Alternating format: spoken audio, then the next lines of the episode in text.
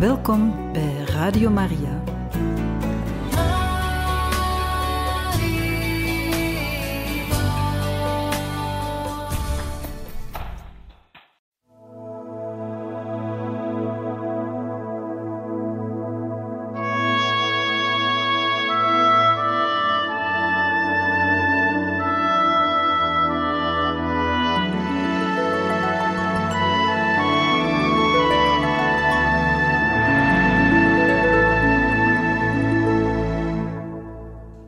Beste luisteraars van Radio Maria, hartelijk welkom in dit programma Heilige Getuigen, waar wij verder gaan met de lezing uit het leven van de heilige Ignatius van Loyola, geschreven door pater Raner, Jezuïet.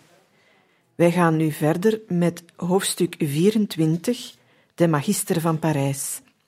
Voorafgaand aan dit hoofdstuk hebben wij gezien dat de heilige Ignatius zich bekeerd heeft dat hij enkele gezellen rondom zich heeft verzameld en op zoek is naar een mogelijkheid om een orde te stichten. Maar hij komt in aanraking met de kerkelijke overheid omdat hij niet voldoende gestudeerd heeft. Hij is dan op zoek om toch op een ordentelijke manier studies te kunnen aanvatten. Wij wensen u heel veel luisterplezier. Zo besloot Ignatius naar Parijs te gaan en er te studeren. Met deze nuchtere woorden deelt Inigo ons de beslissing mee die aan zijn leven een heel nieuwe richting zou geven. Met zacht geweld werd hij naar een doel geleid dat hij zelf nog niet kende. Zegt zijn later vertrouweling Nadal. Toen hij te Salamanca in hechtenis zat, was hij reeds beginnen nadenken. Hij wilde voorgoed een einde maken aan die onregelmatigheid in zijn studies. Maar voor een Loyola betekende dit dat zijn keuze zou vallen op de beste universiteit van het Westen, en dat was Parijs. Hij wilde de zielen helpen, ja, maar dan moest hij voorlopig zijn streven sterk beperken. Proberen nieuwe gezellen te vinden in Parijs, waar toch de elite van de jeugd samenkwam. Midden september 1527 verliet Inigo daarom Salamanca. Hij wilde alleen naar Parijs vooruitgaan om de studiemogelijkheden voor zijn gezellen te onderzoeken. Hij laadde zijn boeken op een ezel en trok naar Barcelona. Bij de oude vrienden nam hij hier drie maanden rust. Zacht en onweerstaanbaar werd de zwerver omgevormd tot een man van rustige, bovennatuurlijke wijsheid. Hij liet zich zo waar door vrome dames een wissel van 25 ducaten in de handen stoppen. Juist zoveel als hij voor één schooljaar in Parijs zou nodig hebben. Bij het begin van het nieuwe jaar, 1528, nam hij ontroerd afscheid en ging alleen te voet naar Parijs de stichting van zijn orde tegemoet. Op 2 februari 1528 bereikte hij de universiteitsstad. Ondanks alle aanvallen van de humanisten en andere vernieuwers was de Universiteit van Parijs met haar 4000 studenten en haar meer dan 50 colleges nog steeds de hoge burcht der geleerdheid in het Westen. Het rumoerige milieu, zowel van de academische jeugd als van de grote stad met haar 300.000 inwoners, moet Inigo de indruk gegeven hebben dat hij verloren liep. Maar zo vond hij het juist goed. Daar hij de landstaal niet goed kende, had hij hier niet de bekoring zijn tijd te versnipperen in geestelijke gesprekken en kon hij grotere vorderingen maken in de studie. Spoedig had hij ergens een kamer weten te vinden waar hij samenwoonde met een andere Spanjaard. Zijn 25 ducaten gaf hij aan deze studiemakker ter bewaring. Maar die waren er natuurlijk al heel gauw doorgejaagd, zodat Inigo rond Pasen reeds weer op straat stond en het pelgrimshuis van Sint-Jacques moest opzoeken. Het getuigt van zijn niets ontziende wilskracht dat hij zich nu ook te Parijs weer eerst op de banken van de lagere Latijnse school zette. Al te overijld was hij vroeger van de grammatica naar de hogere studies overgegaan. Daarom stelde hij nu zijn programma met wat meer overleg samen. In het collège Montaigu, waar ook 19-jarige studenten Latijn leerden, werkte deze man van 37 jaar tot de herfst van 1529 zijn talenkennis bij. Onderwierp hij zich aan de strenge huistucht, waar Erasmus eens zo grimmig de spot mee had gedreven. En dat alles met de bedoeling om op het feest van de heilige Remigius op 1 oktober 1529 de volledige filosofiecursus, die drie en een half jaar duurde, te kunnen beginnen. Maar zijn bedeltochten en de lange weg die hij dagelijks moest afleggen van Saint-Jacques naar het Montaigu College stonden gedurende dit hele jaar 1528 de gewenste vorderingen in de weg. Hier ondervond Inigo aan de lijve wat hij later als ordestichter wijselijk zou vastleggen. Om te studeren heeft men een bescheiden bestaanszekerheid nodig. Tevergeefs zochten zijn vrienden bij de Kartuizers voor hem een rijke student, bij wie hij als knecht geld zou kunnen verdienen. Ten slotte gaf een Spaanse monnik hem in het begin van 1529 de raad een bedeltocht te ondernemen naar de rijke Spaanse kooplieden in Vlaanderen. Zo vertrok Inigo in de vasten naar Brugge, waar hij bij de koopman Gonzalo de Aguilera begrip en geldelijke hulp vond. In het huis van de beroemde humanist Luis Vives, echter, kwam hij in contact met de koele geest van Erasmus, die hem reeds te Alcalá verdacht was geworden. Hier werd in hem dat fijne aanvoelen gescherpt voor de ware gezindheid die wij moeten koesteren in de strijdende kerk. Een aanvoelen dat na de studies en de ervaringen der Parijse jaren zijn definitieve uitdrukking zou vinden in het boekje van de geestelijke oefeningen. Te Antwerpen vond Inigo een grootmoedige weldoener in de persoon van de Spanjaard Juan de Quelar, die hij in de zomer van 1530 en 1531 opnieuw ging opzoeken.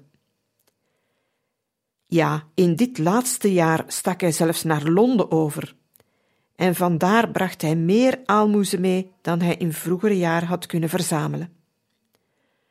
Om hem verdere bedeltochten te besparen, zond Queljar hem van toen af ieder jaar een cheque naar Parijs. Ook uit Barcelona kwamen giften aan.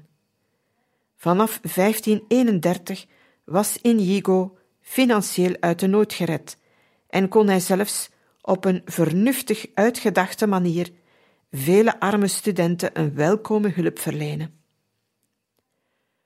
Op 1 oktober 1529 ging hij als betalend student over naar het collège Sainte-Barbe, dat bestuurd werd door de Portugees Diego de Gouveia en beroemd was om zijn strenge tucht, zijn voortreffelijke professoren en zijn christelijke geest, die gekant was tegen de humanistische vernieuwingen.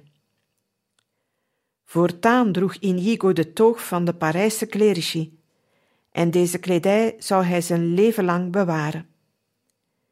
De kamer die hij betrok op de bovenste verdieping van de tegen het college aangebouwde toren was de woning van magister Juan de Peña, onder wiens leiding hij van nu af de scholastieke filosofie zou studeren.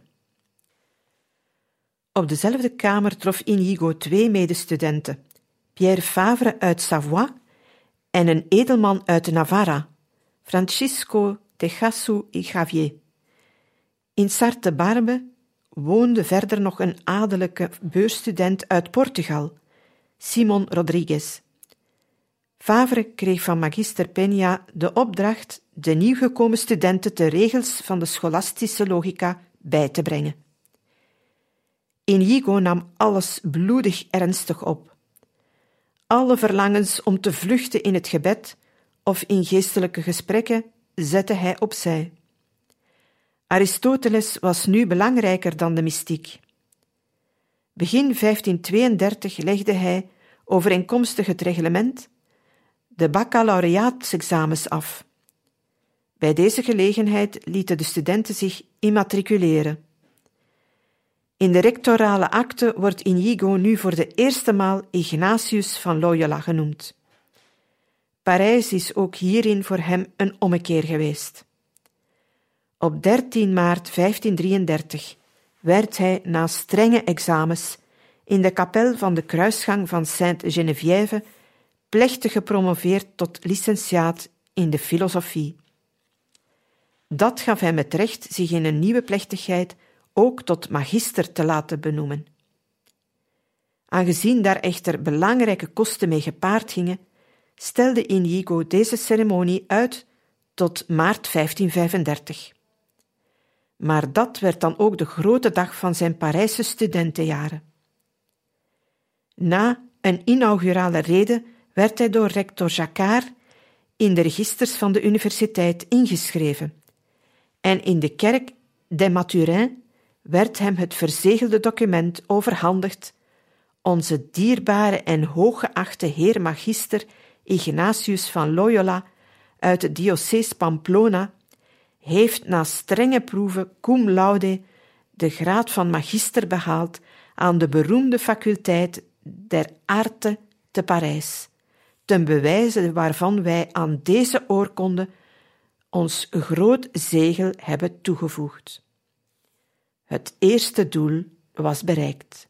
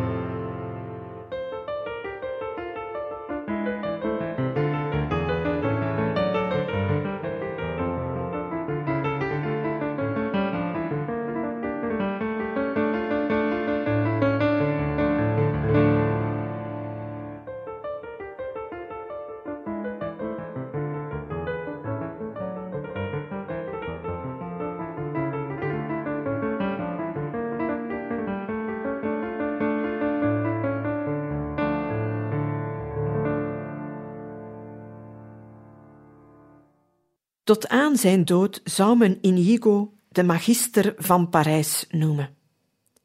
Maar intussen had hij ook het andere doel niet uit het oog verloren: nieuwe gezellen te winnen. Want de broeders van Salamanca waren hem ontrouw geworden. Ze waren teruggekeerd in de wereld of hadden kerkelijke ambten aanvaard. Inigo moest nu van vooraf aan en met meer overleg opnieuw beginnen. Hij hield de ogen open om enkele mannen voor zijn zaak te winnen, die hem daartoe bijzonder begaafd en geschikt leken. Het gelukte hem drie Spaanse studenten in geestdrift te brengen voor zijn ideaal van armoede en versterving. Juan de Castro, Pedro de Peralta en de Basque Amador de El Duayen. Toen hij van zijn eerste bedeltocht in Vlaanderen terug was, gaf hij deze drie de geestelijke oefeningen. Vol vreugde deelden ze hun bezittingen uit aan de armen en namen hun intrek in het pelgrimshuis van Saint-Jacques. Dit bracht de hele Spaanse studentenkolonie in opschudding. De overste van Saint-Barbe, Gouvéa, bedreigde Ignatius met de geestelstraf omdat hij de jonge Amador het hoofd op hol had gebracht. En dokter Ortiz van het Collège Montaigu klaagde hem aan bij de inquisiteur van het Dominicanenklooster. Ignatius was in deze dagen van hoogspanning niet te Parijs. De student die zijn eerste ducaten verduisterd had, lag doodziek te Rouen. Ignatius snelde hem ter hulp. Drie dagen marcheerde hij, zonder enig reisgeld, en in ongetemperde jubel zong hij zijn vreugde uit over de heuvels van Argenteuil. Bij zijn terugkeer viel hij midden in de opschudding om zijn gezellen en onmiddellijk stelde hij zich spontaan ter beschikking van de Inquisitie. Het gevaar dreef voorbij, maar ook deze tweede geboorte, zoals men het later lachend heeft genoemd, mislukte. Castro trad in bij de Kartuizers in Spanje, Peralta aanvaarde een rijke prebende te Toledo, en wat er van Amador is geworden, weten we niet. In het collège Sainte-Barbe echter groeide de vriendschap tussen de kamergenoten. Al spoedig was Inigo, ondanks Aristoteles, in drukke geestelijke gesprekken gewikkeld met de diepzinnige Favre, wat eigenlijk in strijd was met zijn voornemen, niet verder naar gezellen te zoeken om zich ongestoord aan de studie te kunnen wijzen. In het voorjaar van 1531 was Favre gewonnen. Meer last had hij met de jonge edelman uit Navarra. Het moeilijkste kneden deeg dat hij ooit onder handen heeft gehad, is deze Francisco de Javier geweest, zou Ignatius gezegd hebben. Rustig liet de oudere student zich de fijne spot van zijn elegante en schrandere kamergenoot welgevallen. Hij hielp hem met geld uit de nood, bracht de jonge docent leerlingen aan en waarschuwde hem voor de gevaren van het humanisme. In 1535 was ook Javier geheel en voorgoed veroverd. Tegelijkertijd liet Ignatius zich in met de Portugees Rodriguez. En eind 1532 ontmoette hij toevallig twee Spaanse studenten, die reeds te Alcalá van de zonderlingen in Yigo gehoord hadden. Diego Lainé en Alfonso Salmeron. Toen dan ook nog de ruwe, maar hartelijke Spanjaard Nicolas Bobadilla zich tot Ignatius wendde, als tot de reeds alom bekende helper in de nood, zag deze weldra een groep van jonge mannen om zich heen verzameld, in wie zijn scherpe blik de ware geschiktheid voor het nieuwe leven herkende. Ditmaal zou het lukken. Na het licentiaat begon Ignatius met de studie van de scholastische theologie bij de Dominicanen van Saint-Jacques, waar vroeger Sint Thomas nog had gedoseerd. Zijn leven lang zou hij de leer en de wijsheid van de Aquinaat toegedaan blijven. Overigens bezat hij sinds het visioen van de Cardonner een wetenschap die een doctor in de theologie te Parijs zou doen zeggen ik heb nog nooit een mens gehoord die met zulk een meesterschap en majesteit over theologische dingen kan spreken. Dat zouden vooral de nieuwe gezellen ondervinden. De torenkamer in Sainte-Barbe werd de bakermat van hun geestelijk leven.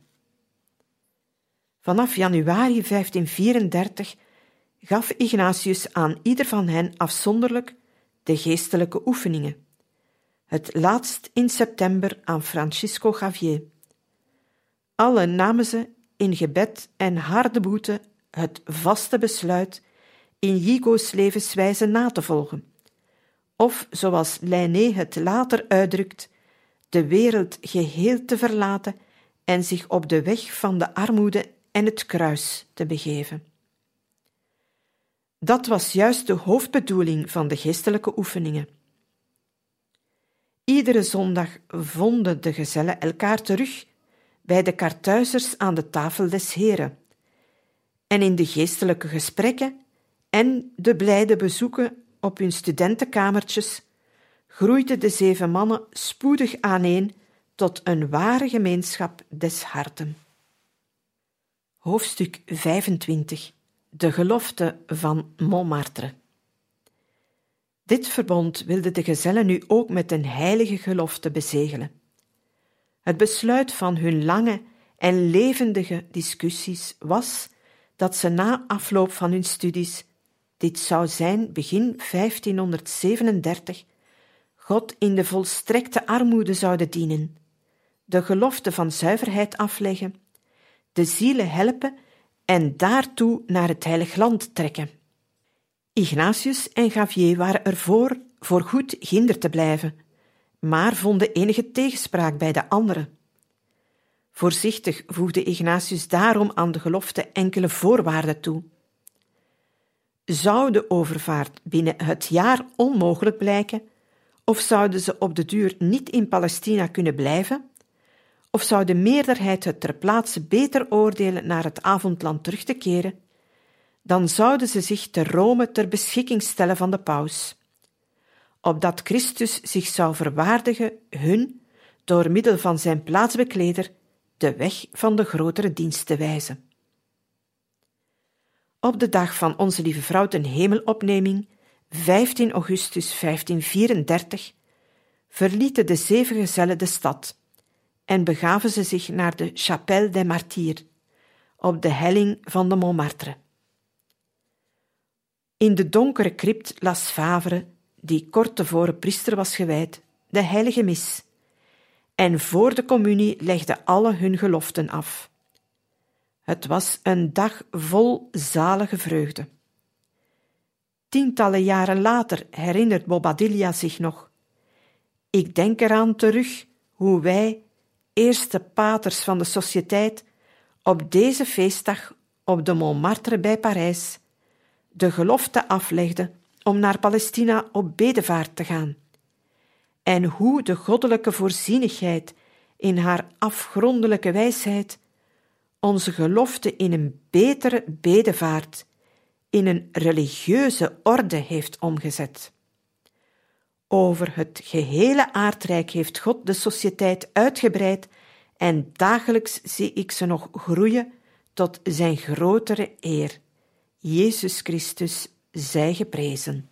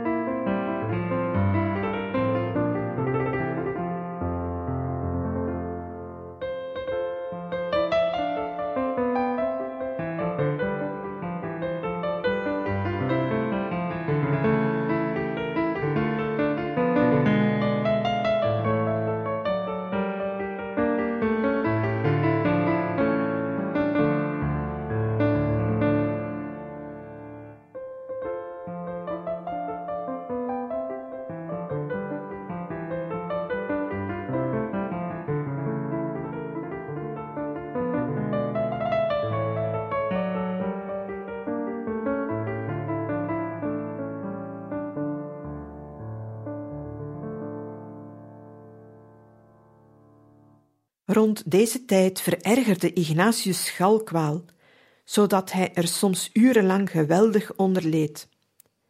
De geneesheer en zijn gezellen drongen aan op een vakantiereis naar de Baskische geboortegrond. Begin april 1535 gaf Ignatius toe. Om de inspanningen van de reis te verlichten, kochten de gezellen hem een klein paard. De zorg voor de groep droeg hij over aan de trouwe Favre, die in de twee volgende jaren nog drie Fransen voor het genootschap wist te winnen: Claude G, Pascase Broet en Jean Codure. Nog twee keer kwamen ze in de Chapelle des Martyrs samen om hun gelofte te vernieuwen.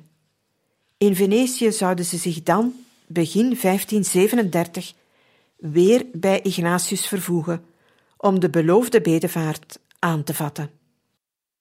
Hoofdstuk 26 Volksmissie in de geboortestreek. Inigo trok op zijn paardje drie weken lang heel Frankrijk door, van Parijs naar het zuiden. Onderweg kon hij alles nog eens rustig overwegen. Eigenlijk was het niet de hoop op lichamelijk herstel die hem een laatste maal naar zijn geboortestreek dreef. Juist nu dat de Parijs de toekomst duidelijk was geworden, wilde hij voor alles in Aspetia de ergernis die hij in zijn jeugd gegeven had, openlijk goedmaken. Nog eenmaal wilde hij zich met opgeheven hoofd laten zien op die plaatsen waar hij vervolgd was geweest. Hij wilde bovendien de families van zijn nieuwe gezellen door een bezoek geruststellen en zo mogelijk de verloren vrienden van Alcala terugwinnen. In Bayonne werd hij, ondanks zijn pelgrimsmantel en de schoenen van Bast, herkend en het nieuws van zijn komst ging hem voor naar Loyola. Langs eenzame zijpaden reed Inigo over de bergrug van de Andazza naar de herberg van Iturios. Maar reeds kwamen hen twee boden van zijn broer tegemoet en door een spleet van de kamerdeur herkende hem een oude speelkameraad. Het was uit met het ascetisch incognito van zijn thuiskomst. Aan één zaak hield hij koppig vast zonder toegeven. Hij weigerde zijn intrek te nemen in het ouderlijke huis en verkoos te verblijven in het arme gesticht bij de kluis van Santa Magdalena. Zijn broer was daarover geërgerd, maar Inigo lichtte hem dadelijk in over de bedoeling van zijn bezoek.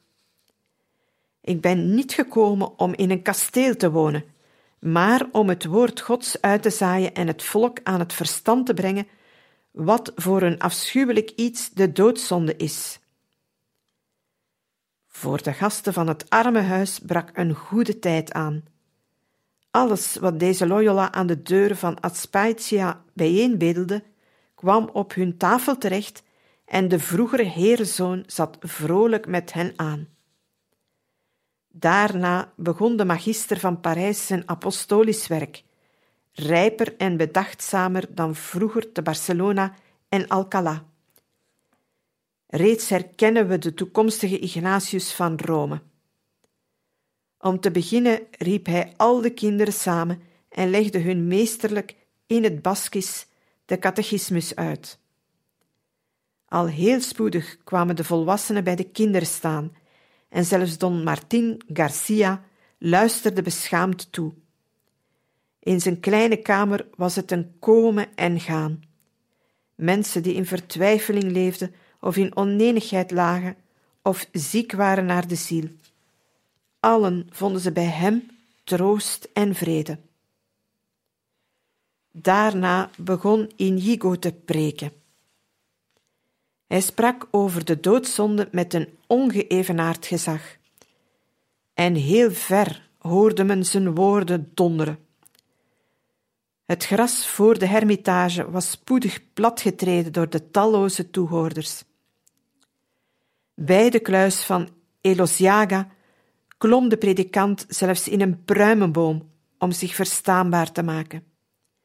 En eens hield hij een vlammende preek over het geheim der allerheiligste drie-eenheid in de parochiekerk van Adspaitia, de ogen gericht op de doopvond waar hij zelf gedoopt was van op de kansel van zijn zondige broer priester, die zes jaar tevoren rouwmoedig was gestorven. De stad en de omgeving geraakten zowat in oproer. Zoiets had men nog nooit gehoord van een Loyola.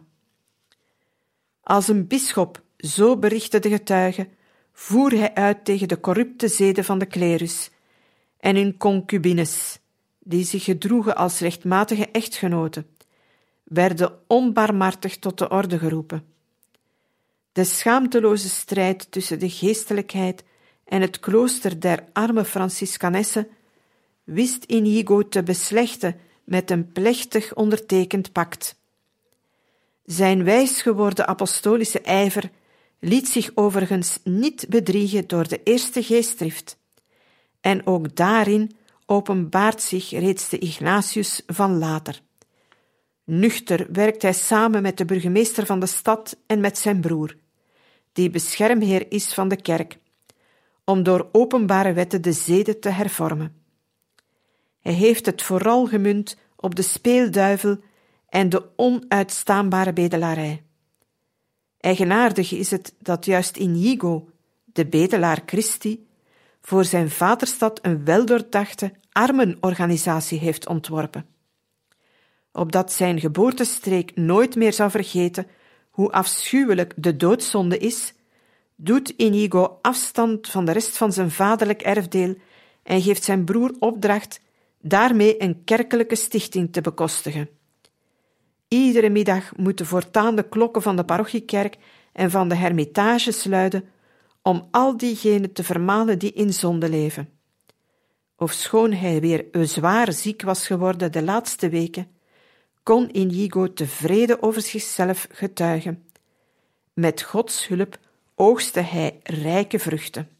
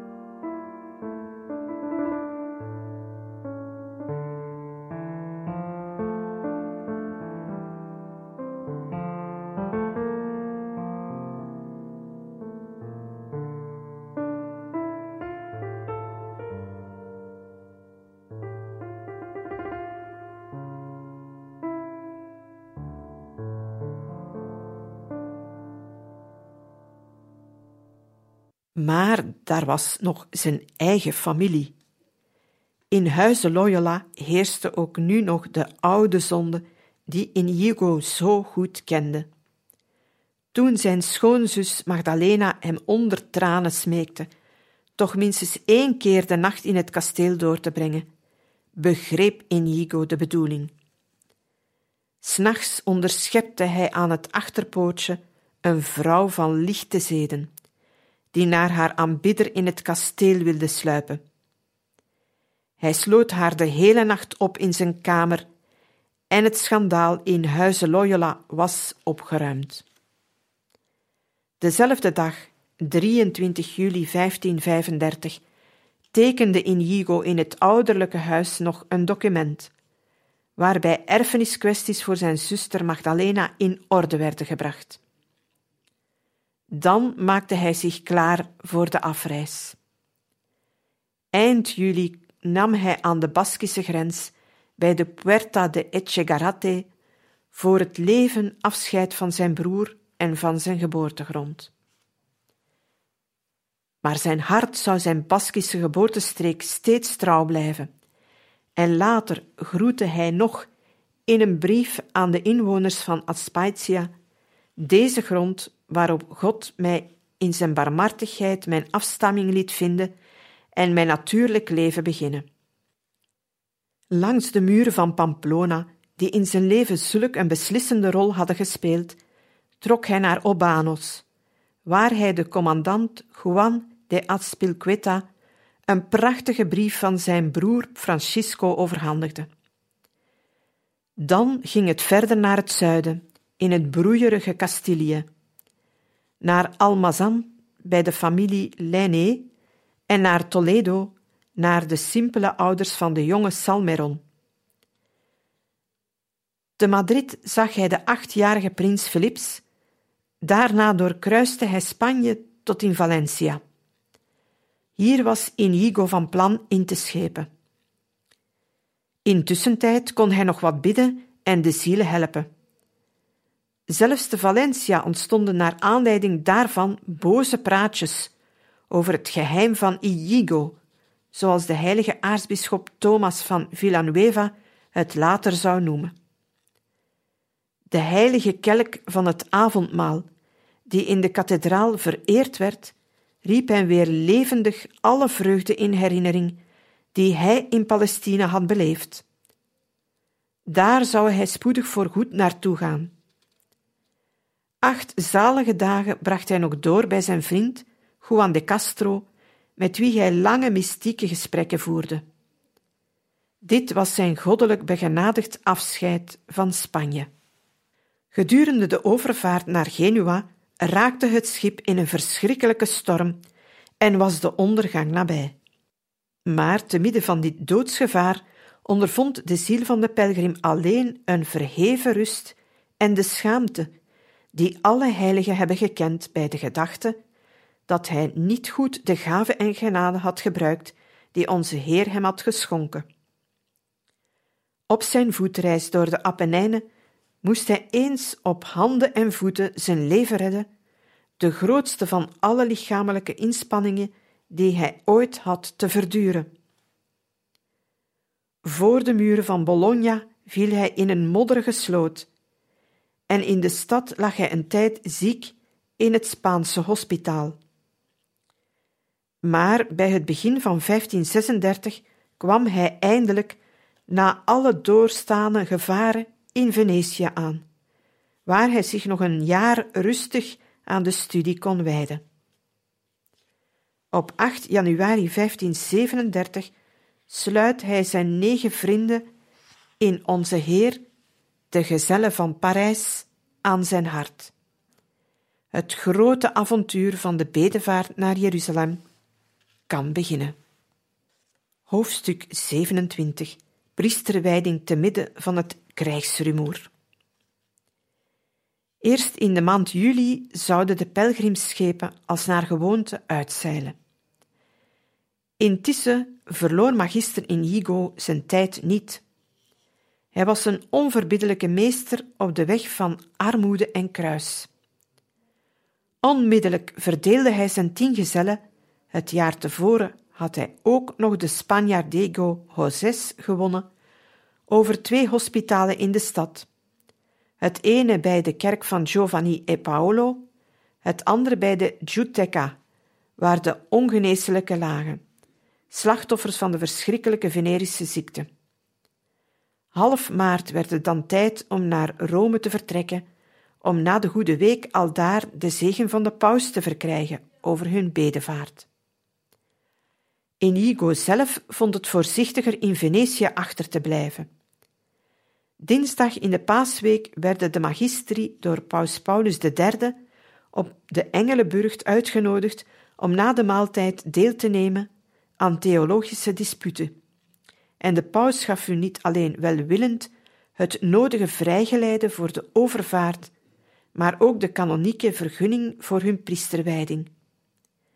Ze kregen nog een wissel van 260 ducaten als aalmoes voor de tocht en zielsgelukkig om zoveel succes kwamen ze begin mei in Venetië terug.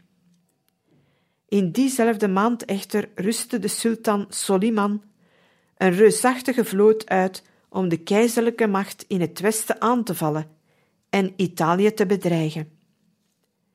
Aanvankelijk hield het bange Venetië zich neutraal, maar vanaf juli was een samentreffen met de Turkse schepen in de Ionische Zee niet meer te vermijden. Voor de eerste maal sinds 38 jaren zeilde er dit jaar geen enkel pelgrimschip uit. Gods voorzienigheid voerde haar eigen politiek. Te midden van dit krijgsrumoer kwam voor Inigo en zijn gezellen de zalige dag van hun priesterwijding.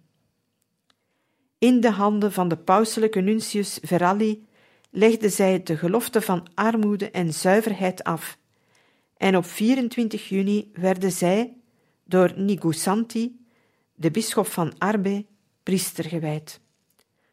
Nog gaven ze niet alle hoop op dat ze Palestina zouden bereiken. Daarom besloten ze zich over enkele steden in de republiek te verdelen, zich drie maanden lang in eenzaam gebed op hun eerste heilige mis voor te bereiden, met dien verstande dat ze na afloop van de eerste veertig dagen ook zouden beginnen te preken op straat. Inigo vertrok op 25 juli met Favre en Lainé naar Vicenza, waar zij in het bouwvallige klooster van San Pietro in Vivarolo een onderdak vonden naar hun gading. Beste luisteraars, we beëindigen hier voor vandaag deze lezing over het leven van de heilige Ignatius van Loyola en gaan volgende keer verder met hoofdstuk 28. Te Rome zal ik u genadig zijn. We hopen dat deze lezing u gesticht heeft, wensen u nog een gezegende avond toe en tot volgende maal.